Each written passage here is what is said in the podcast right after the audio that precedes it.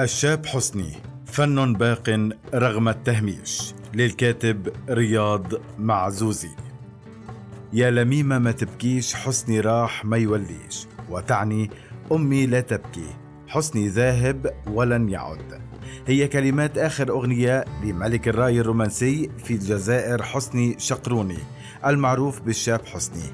وكان قد أداها في حفل أحياه بأحد ملاعب الجزائر في 5 يوليو تموز 1993 وكأنها نبوءة إذ اغتاله الإرهابيون في 29 سبتمبر أيلول من العام التالي. هذه الأيام يسترجع عشاق المغني الذي تعدت شهرته حدود الجزائر الذكرى السابعة والعشرين لاغتياله وسط تساؤلات لا تزال مثارة حول ظروف مقتله الذي فتح الباب لاغتيال فنانين آخرين خلال العشرية الجزائرية السوداء.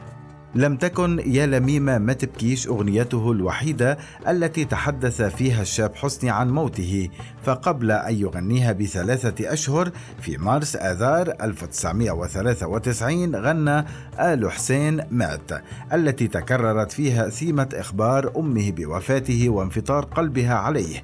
هذه الأغنية تم تصويرها فيديو تظهر فيها أم تبكي بينما تتوجه إلى بيت ابنها بعد سماعها خبر وفاته لتجده نائما معافى وكان يوجه فيها حسني رسالة إلى من هددوه إلا أن تفاؤله بفشلهم في اغتياله لم يدم طويلا.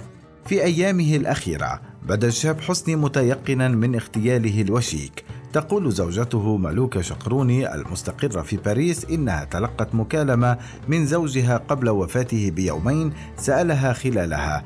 لو أخبروك أني توفيت هل ستتزوجين بعدي؟ وتقول لرصيف 22 زوجي كان كثير الحديث عن الموت خاصة لما توفي أحد أصدقائه بحي كومبيطة بقلب مدينة وهران غرب الجزائر. قال لي يومها الموت اقترب مني اليوم أكثر. من هو الشاب حسني؟ حسني شقروني أو الشاب حسني هو أحد الأسماء اللامعة في سماء فن الراي الجزائري نال شهرة عالمية رغم صغر سنه وقصر مدة غنائه ولد في مدينة وهران معقل الراي لأسرة من خمسة أخوة وأب حداد وأم ربة بيت في فبراير شباط 1968 وانقطع عن الدراسة بسبب عشقه لكرة القدم رغم حلم أبيه أن يصير ابنه طبيبا. اعتقد والده أن رفاق السوء كانوا سببا في تراجع مستواه الدراسي متجاهلا بروز نزغة موسيقية في ابنه الذي كان يقضي جل وقته بين الملعب وترديد أغاني الرأي الشهيرة آنذاك. ولولا إصابة مبكرة أقعدته عن لعب الكرة خضع بعدها للعلاج أسابيع طويلة لفقدت الجزائر واحدا من أهم رواد الرأي الرومانسي. بدأ حسني في إحياء حفلات موسيقية صغيرة وأعراس محلية رفقة فرقة محلية اسمها قادة ناوي وذاع صيته بسبب حسن أدائه وعذوبة صوته. في سن الثامنة عشر توصل حسني لاتفاق مع شركة إنتاج محلية لتسجيل أول ألبوم غنائي رفقة مغنية مغمورة آنذاك اسمها الشابة زهوانية التي ستصبح فيما بعد من أعمدة الرأي الجزائري حملت أولى أغنياتهما المشتركة عنوان البراكة واعتبرت واحدة من أكثر أغاني الراي تأثيرا بكلماتها غير المألوفة والمثيرة. التهديد للجميع. حسني شقروني واحدا من آلاف قتلوا خلال الحرب الأهلية الجزائرية العشرية السوداء التي دامت في نهاية عام 1992 حتى بداية 2002 وكان من طليعة الضحايا في هذه الحرب التي خاضها متطرفون ضد الشعب الجزائري لكنه كان الأول من الفنانين الضحايا. تقول ملوكة شقروني تؤكد في حديثها لرصيف 22 كانت التهديدات حينذاك تطال كل المغنيين باسم المحافظة والدين وحتى زوجي وصلته رسائل تهديد باغتياله وتضيف الشاب حسني كان ينوي الاستقرار بفرنسا بسبب التهديدات وسبقته إلى باريس في انتظار التحاقه بي بعد حفلة ملعب 5 يوليو تموز 1993 لكن السفر تأخر كثيرا حتى خطفه الموت قبل موعد سفره بيوم واحد فرحلته إلى باريس كانت الجمعة. لكن أيادي الغدر اختلته ظهر الخميس 29 سبتمبر أيلول 1994 وتتذكر ملوكة. كان حسني لا يريد تخويفي لكن أصدقائه بعد وفاته صرحوا بأنه كان مهددا بالقتل ووصله كلام ورسائل تطلب منه التوقف عن الغناء أو القتل. عدو عذب الصوت. رغم الشهرة التي وصل إليها حسني كان الإعلام الرسمي حينها بعيدا عن الترويج لأعماله أو بثها.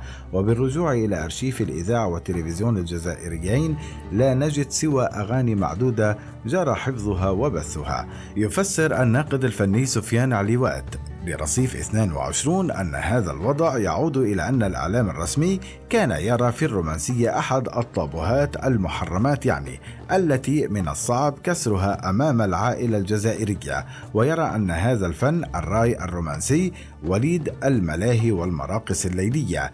وذلك رغم أن الشاب حسني كان يتناول قضايا الحب والزواج ويتطرق أيضا إلى قضايا اجتماعية ومواضيع الشباب. وهو ما جعل ملايين من الشباب يعشقونه ويتعلقون بإنتاجه الفني إلى يومنا هذا إلا أن الضغط الجماهيري المحب للشاب حسني جعل الإعلام الرسمي يقبل بث بعض أعماله مثل أغنية قاع النساء أي كل النساء رغم أن الفيديو كليب كان يظهر النساء راقصات في صورة أثارت الجدل حينها قبل أن يصبح في خانة العادي لدى الأسرة الجزائرية بحسب عليوات التجاهل في الإعلام الرسمي بحسب زوجته لم يكن يزعج الشاب حسني كثيرا لأنه صنع لنفسه النجاح من خلال الحفلات التي كان يحييها وملايين المحبين الذين رفعوا اسمه عاليا. تقول المدير العام للتلفزيون الجزائري يوم جنازته كان حاضرا وقدم التعازي للعائلة. لكنني منعت من مقابلته ولن أخوض في التفاصيل. آخر حفلة. خلال يوليو تموز 1993 أحيا الشاب حسني حفلا فنيا بالملعب الأولمبي في 5 يوليو تموز بالعاصمة. وكان هذا آخر حفل له قبل اغتياله. وعلى الرغم من حظر التجوال الشامل وقت ذاك بسبب الإرهاب والتهديدات التي كانت تطال كل المغنيين وعشاق السهر والحفلات يقول سفيان عليوات إن حفل الشاب حسني الأخير حضره قرابة 200 ألف شخص من مختلف محافظات الجمهورية. الدولية وهو ما أرغم التلفزيون الجزائري على نقل الحفل على الهواء. ويرى الناقد الفني أن هذا الإعجاب الكبير ربما كان السبب الرئيسي في وضع حسني على رأس قائمة اغتيالات الإرهابيين. فهذا الرقم يعكس وزن هذا الفنان وزاد من إصرار العناصر الإرهابية على رصد تحركاته والتكثيف من تهديداتهم له. حتى بلغوا مرادهم في اغتياله أمام بيته وبين أصدقائه بمفترق الطرق على بعد 500 متر من بيته بحي كومبيطا بوهران غرب الجزائر. مرزاق ثابت كان من بين حضور الحفل الأخير للشاب حسني يتذكر في حديثه مع رصيف 22 قائلا حضرت الحفل مع عدد من أصدقائي ورغم أن الملعب يكاد الأكبر على المستوى الوطني لم يتسع لجموع المحبين الذين جاءوا من أقصى الشرق والغرب والجنوب وكان لقاء حسني وحضور حفلاته حلم لكل الشباب والشابات في ذلك الوقت. ويتذكر مرزاق لما وصل إلى أغنية يا لميمة ما تبكيش حسني راح ما يوليش. الكل صمت وبكى وكأنه مشهد الوداع الحقيقي وهو ما كان فعلا والآن لم يبقى للذكرى سوى أغانيه التي باتت مؤنس الشاب والمسنين. حبيب الجزائريين لما كان صوت الرصاص يدوي وجثث القتلى تغرق المدن خلال العشرية السوداء واليأس يجتاح الصدور بسبب أزمة الإرهاب التي جرت الجزائر إلى أزمة اقتصادية خانقة. كان الشاب حسني ينثر الأمل والحب بين الشباب ويجعلهم يتعلقون بالحياة والفرح رغم كل شيء. لذلك كانت مكانته بين الجزائريين كبيرة جدا.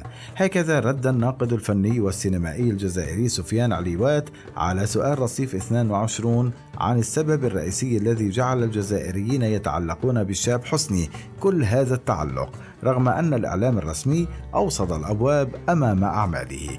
يواصل عليوات كل فن يكون قريبا من الشعب وينقل أحاسيسه من الأفراح والألام.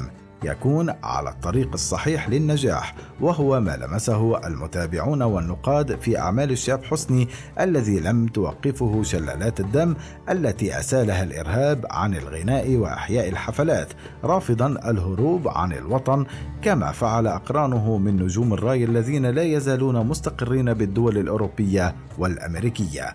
ويعلق مرزاق ثابت أحد عشاق المغني الراحل كيف لا نحب هذا العظيم؟ وهو الذي كان يمسك بيد الشباب وسط الأزمة ويقول لهم ما زال كان للسبوار وعلاش نقطع اليأس؟ أي الأمل ما زال موجودا ولماذا نقطع الأمل؟ في أغنية ما زال الجميع يحفظها إلى اليوم عن ظهر قلب. في ذكرى وفاته هذا العام قام العشرات من الفنانين ومحبيه بزيارة قبره بوهران غرب الجزائر العاصمة وأظهرت صور بثتها الإذاعة الجزائرية شبابا قدموا من مختلف محافظات الجمهورية لإحياء الذكرى وصرحوا بمدى تعلقهم بما قدمه حسني من فن سيبقى خالدا.